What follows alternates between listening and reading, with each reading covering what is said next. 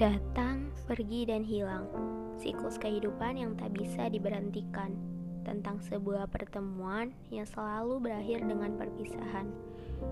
Entah itu ditinggalkan atau meninggalkan.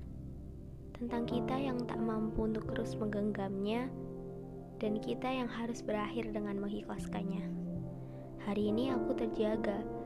Iya, terjaga untuk kembali memikirkanmu dan terjaga untuk kembali melupakanmu. Sulit ya, harus sekaligus berada di dua titik yang sama-sama I don't know what is that, but I always thinking about it. Kadang harapan emang gak sesuai dengan kenyataan. Kadang yang awalnya kita kira itu bakal baik-baik aja, belum tentu akan sama dengan perkiraan kita. Oh iya, definisi hilang menurut kalian itu apa sih? Orangnya udah gak ada, atau orangnya udah gak berperan di hidup kalian atau juga orangnya udah pergi entah ke mana Padahal kalau kita lihat kata orang, misal nih ya, kita kehilangan suatu barang, berarti barang itu emang hakikatnya bukan milik kita dan akan kembali ke yang punya. Entah dengan cara ditinggalkan atau dengan cara meninggalkan. Seserius itu ya bahasan kita kali ini, sampai lupa perkenalan diri. Sebelumnya, balik lagi sama aku Aziza di podcast Angan dan Waktu. Gimana kabar kalian hari ini? Semoga selalu baik-baik aja ya.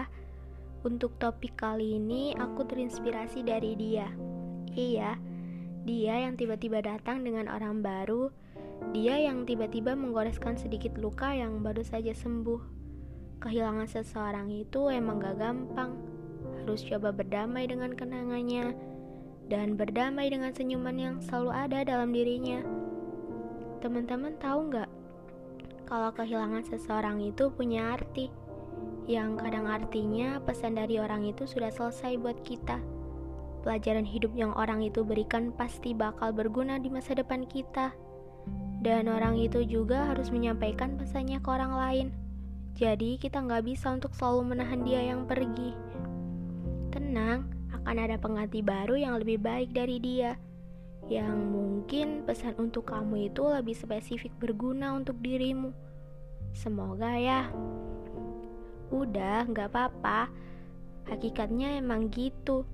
Datang, pergi, dan hilang.